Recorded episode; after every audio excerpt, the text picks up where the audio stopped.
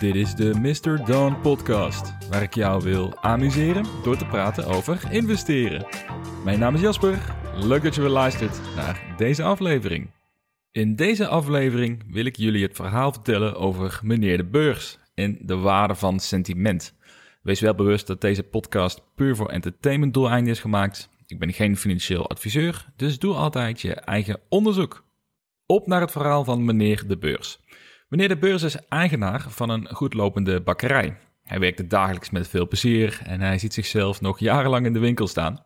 En op een ochtend komt een nette dame de winkel binnenlopen.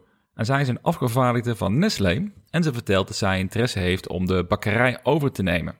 Nou, meneer de Beurs zit niet per se te wachten op een verkoop, want hij verdient jaarlijks een goed salaris met zijn bedrijf. En hij heeft ook genoeg spaargeld, dus de noodzaak is er niet. Maar nieuwsgierig als hij is, wil hij wel weten wat Nestlé hem wil bieden natuurlijk. Dus de Nestlé-dame geeft aan dat zij bereid zijn om 100.000 euro te betalen om de bakkerij over te nemen. Ja, en dit is voor meneer de Beurs geen interessant aanbod, want dit bedrag verdient hij ook over de tijd als hij gewoon zelf in de bakkerij blijft staan. Ja, en waarschijnlijk wordt zijn bakker ook nog wel meer waard in de komende jaren, want het stadje waar hij is gevestigd wordt ook steeds populairder. Dus hij bedankt de dame van Nestlé voor het aanbod en gaat weer verder met zijn dag. De dag erna komt er weer iemand de winkel binnenlopen. Deze keer is het een meneer van Kraft Heinz. En ook hij geeft aan geïnteresseerd te zijn en graag een bod te willen doen op de bakkerij. En opnieuw is meneer de beurs nieuwsgierig. Want zou hij dit keer, zou er nu wel een fors bod komen op zijn, op zijn bakkerij. Maar tot zijn verbazing en tot zijn verrassing is het bod zelfs lager dan de vorige. Meneer van Kraft Heinz wil namelijk slechts 90.000 euro betalen. Dus een tikkeltje verrast vraagt hij aan de Heinz afgevaardigde hoe hij op die prijs is gekomen. Van een dag eerder vond iemand anders het nog 100.000 euro waard.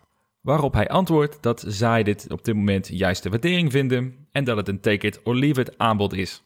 Dus meneer de beurs zegt weer netjes nee, maar hij begint langzaam wel te twijfelen. Dus s'avonds vertelt hij het verhaal aan zijn vrouw, die het ook wel spannend vindt.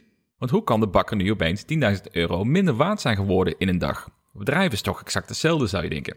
Dus meneer de beurs heeft er slecht van geslapen, want het voelt alsof hij ergens tussendoor 10.000 euro is kwijtgeraakt.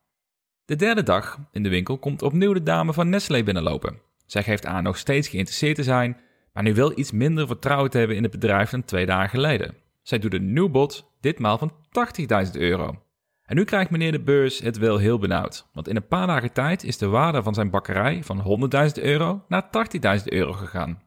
Al dus mensen die hier verstand van zouden moeten hebben, vindt hij. Want de dame van Nestlé en de heer van Heinz doen dit als hun vaste werk, dus die zullen vast wel moeten weten wat nou echt de waarde is van zijn bakkerij. Dus op dit moment raakt hij lichtelijk in paniek. Wat nou als de waarde van zijn bakkerij blijft dalen? in een week is het misschien nog maar een fractie waard van het bedrag vandaag. Dus in zijn emotie besluit hij om akkoord te gaan met het bod van Nestlé en zijn bakkerij te verkopen voor 80.000 euro. Ja, misschien dat hij binnenkort wel de kans krijgt om een bakkerij elders nog goedkoper over te nemen. Als jij in zijn schoenen zou hebben gestaan, wat zou jij doen? Zou jij de bakker ook al hebben verkocht voor 100.000 euro, wetende dat het eigenlijk meer waard is dan dat? Of zou je ook zijn meegegaan in het laatste bod van 80.000 euro, omdat de, prijs misschien wel verder kan dalen? Of zou je in alle gevallen misschien de vertegenwoordigers van Heinz en van Nestlé hebben genegeerd? Hoogstwaarschijnlijk vinden de meeste luisteraars dat meneer de beurs een slechte keuze heeft gemaakt. Hij heeft zich gek laten maken en uiteindelijk uit emotie voor een prijs verkocht die ver onder de waarde van de bakkerij ligt. En eh, waarschijnlijk hebben een aantal luisteraars deze link al gelegd, maar dit verhaal staat symbool voor beleggers op de beurs. De bakkerij is het aandeel in jouw portfolio waar je iedere dag ongevraagd een aanbod voor krijgt om te verkopen. En die vertegenwoordigers van Nestlé en Heinz dat zijn de brokers en de analisten die jou iedere dag een prijs aanbieden voor je aandelen en vertellen hoeveel het aandeel volgens hen waard is. En ook hier weer geldt dan, aangezien dat de professionals zijn, zullen zij het vast wel beter weten wat de prijzen zijn of wat de waarde is van jouw aandeel, zou je denken. En dat is best een gevaarlijke aanname om te maken. Want als het goed is, weet jij het beste wat jouw aandelen, jouw bakkerij, waard is. En hoeveel vertrouwen je hebt dat het bedrijf in de komende jaren goed blijft presteren en blijft groeien. En als dat vertrouwen hoog is, waarom zou je je dan laten leiden door het sentiment van een ander? Want schijnbaar vonden Nestlé en Heinz de bakkerij minder waard dan wat meneer de beurs in eerste instantie zelf vond. Maar doordat die twee bedrijven een steeds negatiever sentiment kregen over de bakkerij, waardoor zij hun prijs verlaagden, ja, ging meneer de beurs daarin mee. In plaats van een stapje terug te zetten en te denken: ja, waarom zou ik mijn bakkerij, mijn aandelen, verkopen voor een prijs die lager ligt dan de waarde van het bedrijf? Puur en alleen omdat een paar kopers steeds minder willen betalen ervoor. Dus het moraal van het verhaal is dat je je moet beseffen dat de markt, de aandelenbeurs, grotendeels sentimentgedreven is en meestal niet rationeel. En sentiment is een directe onderdeel van de koers. Want hierdoor krijg je dat sommige aandelen ook te goedkoop zijn geprijsd en sommige weer veel te hoog. En dat biedt weer kansen voor beleggers die goed weten wat de waarde is van een bedrijf en die durven toe te slaan zodra de prijs onder de waarde ligt.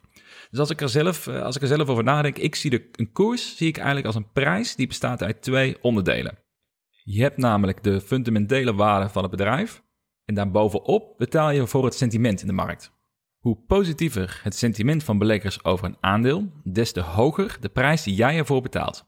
Dus ook een slecht bedrijf met een positief sentiment eromheen kan ook in de koers prima stijgen, maar onderaan de streep heb je dan nog steeds gewoon een slecht bedrijf in je portfolio. Dus daarom zegt rendement op een investering ook niet direct dat je gelijk hebt qua redenen om te investeren. Want de prijs kan ook volledig gedragen worden door sentiment, terwijl het bedrijf zelf misschien erbarmelijk slecht in elkaar zit. Want wat gebeurt er namelijk als het enthousiasme verdwijnt? Ja, dan gaan beleggers gaan verkopen, de zakt de koers weer verder naar beneden en dan blijf je dus achter met een verlies.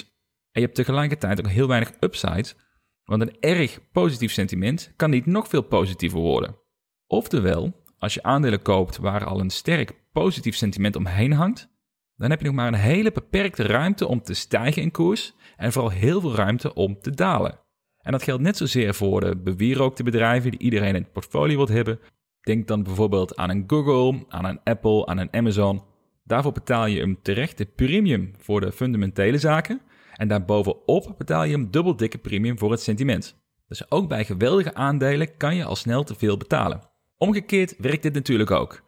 Als jij een aandeel vindt waar ten onrechte een zwaar negatief sentiment omheen hangt, zodra het sentiment weer herstelt, dan is er voor de koers een enorme ruimte om te stijgen. Dus als je een bovengemiddeld resultaat wil halen, of gewoon nog echt een goed resultaat wil halen, dan is het vooral belangrijk dat je niet achter de meute aanrint, maar kijkt naar de aandelen waar de meute juist geen interesse in heeft.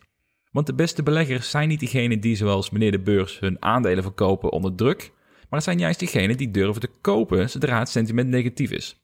Dus in dit geval probeer het sentiment te zien als een soort premium op de koers. Ik denk dat de meest praktische beschrijving is van het sentiment, welke impact dat heeft op jouw uh, resultaten en op de koers aan zich. Hoe positiever het sentiment, des te meer jij betaalt aan premium voor het aandeel. En oftewel, hoe meer je betaalt van aandeel, des te lager uiteindelijk onder de streep je kans is om een goed rendement te halen. Een goed voorbeeld is Shell. Een half jaar geleden stond het aandeel op 10 euro, want de olieprijs stond zodanig onder druk dat de hele wereld zou gaan overstappen naar duurzame energie. Eh, het sentiment was verbijsterend negatief, alsof binnen een maand olie wereldwijd niet meer nodig zou zijn. En hierdoor was het aandeel aantrekkelijk geprijsd. Ik heb dan ook met een paar andere beleggers gesproken die Shell absoluut niet wilden aanraken, omdat zij vonden en dachten dat de interesse in olie fors zou gaan afnemen door de komst van groene energie. Terwijl uit cijfers blijkt dat hier nog helemaal geen sprake van is binnen de komende jaren. Dus er, er is een soort discrepantie tussen verwachting en realiteit. Of in dit geval kwam het sentiment kwam niet overeen met de werkelijkheid. Inmiddels is de koers ook weer 60% gestegen en nog steeds hangt er een negatief sentiment. Dus het zou mij persoonlijk niet verbazen als Shell dit jaar eenvoudig weer de 20 euro of meer passeert, zodra het sentiment neutraler wordt. Ja, laat staan uh, wanneer mensen optimistisch gaan worden over de toekomst van Shell.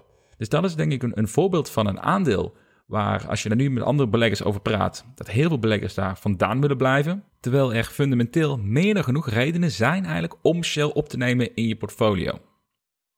En dan even praktisch, hoe kan jij hier nu van profiteren? De beste tip die ik hierover kan geven is weer maak een wishlist. Als je een wishlist maakt met aandelen die jij heel graag wil hebben en waar je zelf onderzoek naar gedaan hebt, dan moet en kan je daarop vertrouwen zodra de koers jouw koopdoel heeft aangetikt. Stel dat jij Pinterest zou willen kopen bij een koers van 40 dollar.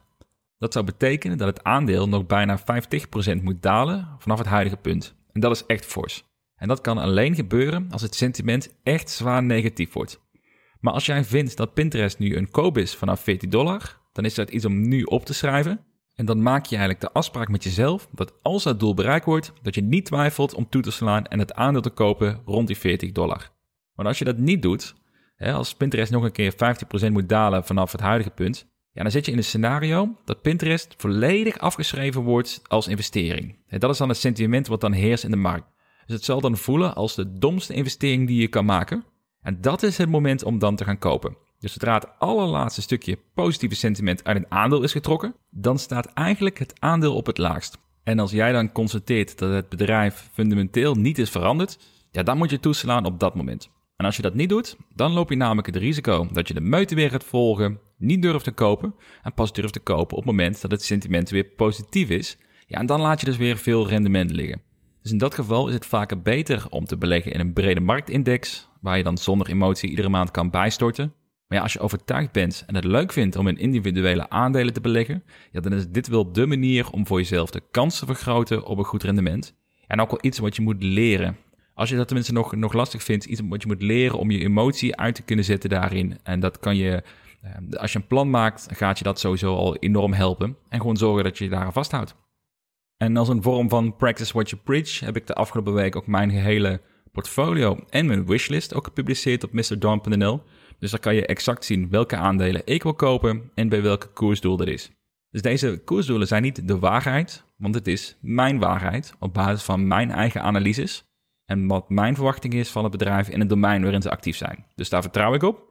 En zodra de koersdoel wordt gehaald en het bedrijf is niet fundamenteel minder geworden, dan haal ik gewoon de trekker over. Dat heb ik onlangs ook gedaan bij Teladoc en bij Pinterest. En ondanks dat de koers nog verder is gedaald, ja, dan is het gewoon een kwestie van blijven bijkopen. En dan met het vertrouwen dat alle aankoopmomenten uiteindelijk gewoon een prima verwachte rendement gaan opleveren. Maar als je koopt zodra het sentiment negatief is en je hebt een plan, dan loop je al zoveel vooruit op de meute en op de gemiddelde belegger. Ja, dat de kans gewoon groot is dat je ook veel betere resultaten gaat halen dan de meute. En daar ben ik sowieso van overtuigd.